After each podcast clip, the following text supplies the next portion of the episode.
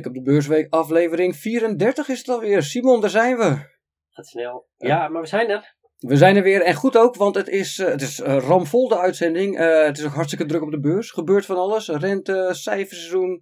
Allemaal niet allemaal. Ook wat minder gezellige dingen zijn ook allemaal gaande in de wereld. Ja, nee, absoluut. We hebben genoeg te bespreken. Waar wil je beginnen? toch wel het Midden-Oosten. Ik denk dat als we kijken naar wat heeft het sentiment overheerst in de afgelopen paar weken, dan is dat toch wel duidelijk ja, wat er in, in Israël gebeurt. en ook de landen die zich daarmee bemoeien. Vooral de angst dat het escaleert, met name rondom Iran en mogelijk ook dan Saudi-Arabië, twee aardsvijanden zou ik bijna willen zeggen. dat houdt de gemoederen bezig en dat vinden we vooral terug in, in eigenlijk twee dingen. dat is enerzijds de olieprijs, die op dagbasis daar behoorlijk op, op reageert, op headlines uit, uit de regio. En daar in reactie op ook weer de rentemarkt. We zien daar ook obligatiekoersen fors op, op reageren op het moment dat die olieprijs weer een, eh, een draai maakt, omhoog of omlaag, ja, dan zien we dat rentes daar ook flink op reageren. Kun je dat voor mij als, als leek op dit gebied even uitleggen? Gewoon hè, de olieprijs en de, en de rentemarkt. Nou, heel kort even terugblikken op vorig jaar. Hè, waarom zijn rentes zo sterk gestegen? Dat heeft alles te maken met die hele hoge inflatie waar we nog steeds mee te maken hebben. Die is al wel wat lager. En vandaar dat we denken dat de centrale banken een beetje um, een pauze zullen inlassen voor wat betreft de renteverhogingen. Maar op het moment dat bijvoorbeeld door een eh, enorme sprong in de olieprijs de inflatiedruk weer terug zou gaan eh, komen, omhoog, ja, dan betekent dat ook rentes weer verder omhoog gaan. Uh, en hogere rentes betekent lagere waarderingen voor risicovolle beleggingen, waaronder aandelen. Helder. Ook nog even over die olieprijs. Um, zien we daar iets van terug aan de pomp? Zien we daar iets terug ook in de portefeuille met oliebedrijven? Ja, naar oliebedrijven, als we kijken naar de sector energie, die uh, heeft het uh, heel goed gedaan. En dat is uh, op zich wel jammer. En waarom zeg ik dat? Omdat we al een paar maanden de sector op onderwogen hebben staan in onze beleggingsstrategieën. omdat we ja, van mening zijn dat een tragere economische groei die we voorspellen ook een effect gaat hebben op de vraag naar olie. Dus dat zal de prijs dan wat, wat naar beneden moeten drukken. Nu hebben we gezien dat ja, de OPEC Plus een oliekraantje dicht houdt. Uh, hè, wat ze hebben gezegd, uh, tot einde van uh, dit jaar minder productie. Ja, en dan de zorgen over een mogelijke escalatie in het Midden-Oosten, waardoor die ja, aanvoer van olie in gevaar zou kunnen komen. Dus dat speelt een belangrijke rol. Hoe kijken jullie naar, en jullie bedoelt natuurlijk het investment office van ING mee, hoe kijken jullie nou naar de, het verloop van het conflict daar en mogelijke uitkomsten en mogelijke gevolgen? Ja, er wordt heel veel over gesproken. Uh, natuurlijk ook in alle financiële nieuwsdiensten en uh, online um, wordt daar ook veel over, over gediscussieerd.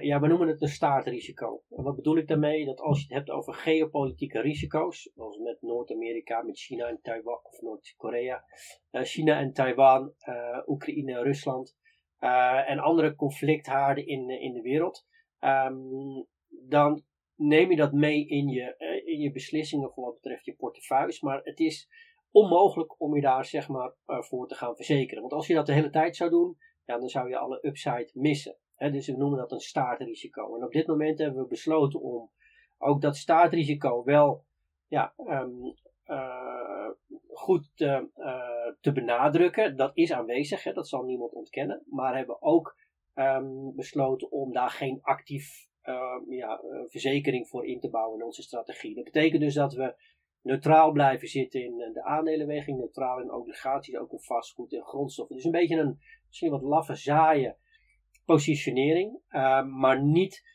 um, ja, eigenlijk voor anticiperen op iets wat misschien helemaal niet gaat komen. Is dat ook iets waar de huistuin- en keukenbelegger voor de lange termijn zich altijd eigenlijk ook aan vast kan houden? Ja, dat is denk ik wel de belangrijkste boodschap. Hè? Want op dagbasis gebeurt natuurlijk heel veel. Uh, waarbij, uh, ik noem het dan altijd maar 99% ruis is uh, en 1% echt nieuws. Hè? Dus de echte nieuwsberichten, ja, daar moet je of kan je vaak wel op acteren of moet je op anticiperen. Maar heel veel ja, is emotie. En emotie is, zoals we altijd zeggen, een, een slechte raadgever. en laat je daardoor ook niet door misleiden. Um, en ja, ja, focus je ook vooral op, op de fundamenten. En dat betekent dat het voor ja, de particuliere belegger vaak wat lastiger is. Die moeten dan vaak doen met kwartaalcijfers, komen we zo nog wel even op. Maar ook de macro-omgeving, hoe ziet die eruit? Hebben we te maken met ja, een wereld die eh, echt in een afgrond stort of valt het wel mee? Tot zover het Midden-Oosten, helder Simon. Waar wil je nog meer uh, bij stilstaan? Ja, ik denk toch die economische ontwikkelingen. Eén, als we kijken naar de eurozone, dan zagen we afgelopen, wat was het, dinsdag de voorlopige inkoopmanagersindex van die eurozone. Die zien we toch wel wat verder verzwakken. En we zien eigenlijk dat Europa is het, het, ja, het zwakke broedertje, het zwakste jongetje in, in de klas. In Amerika zien we dat de activiteit weer wat verder is aangetrokken. terwijl al heel lang uh, wordt verwacht dat daar een, een recessie zou kunnen gaan, uh, gaan optreden.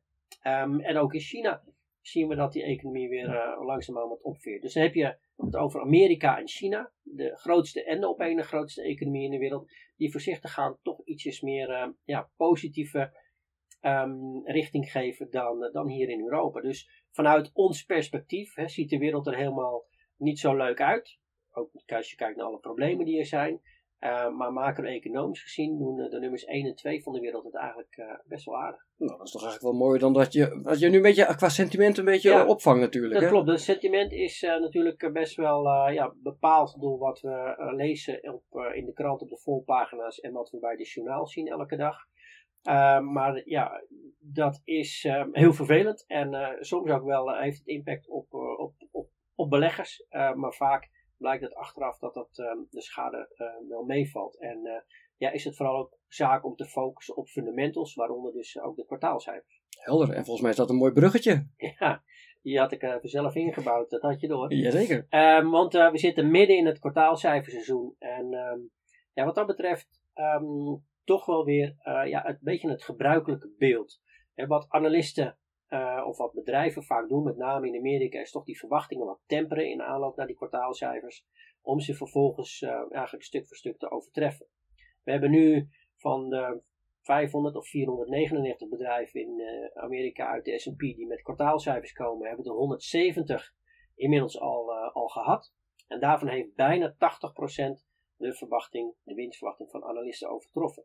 Dat lijkt heel veel, dat is het ook, want het is net iets meer dan het historische patroon van rondom de drie kwart, hè, rondom de 75% van de bedrijven. Maar ook als we kijken naar de winstgroei die tot op heden gerapporteerd is, en we hebben natuurlijk eh, nog lang niet alles gehad, maar dan zit het ook een stuk hoger dan de verwachting van, uh, van analisten. Uh, dus wat dat betreft tot nu toe uh, best een goed kwartaalcijferseizoen met wel hier en daar flinke koersuitslagen zoals je hebt gezien. Ik zag ze inderdaad. Uh, we nemen dit op donderdag op. Ik zag gisteren bijvoorbeeld Alphabet. Ja. En dat vond ik toch ook wel opvallend. Ik las dat ook wel in een, in een dagbericht van jou. Dat ook een klein tegenvalletje, toch weer dat sentiment, dat wordt dan toch, daar wordt zwaar aan getild. Ja, zeker. En als je dan kijkt naar die, hè, die Magnificent 7 aandelen, waar Alphabet er één van is. Die staat year to date uh, nog steeds uh, dik 40% in de plus. Ja, dan zie je dat je uh, weinig ruimte hebt voor tegenvallers. Ja. Dan moet ik wel zeggen, als we kijken dan naar Alphabet en de cloud business vooruitzichten die, of de cijfers die dan iets tegenvielen um, dan lijkt die, uh, ja, die afstraffing ook wel wat overdreven. Want ja, als we kijken naar de toekomst, dan zijn we ervan overtuigd dat data en artificial intelligence echt wel een hele grote drijfveer zullen zijn van economische groei en dus ook de winsten van, uh, van die grote bedrijven. Um, dan, uh, ja, dan ziet het er helemaal nog niet zo somber uit. Maar goed, de verwachtingen zijn dan hoog gespannen. En zeker na een hele forse koersstijging kun je ook wel eens een keer een tikje terug verwachten. Helder. Simon, Dankjewel weer voor deze toelichting, voor deze duiding bij deze overvolle beursweek.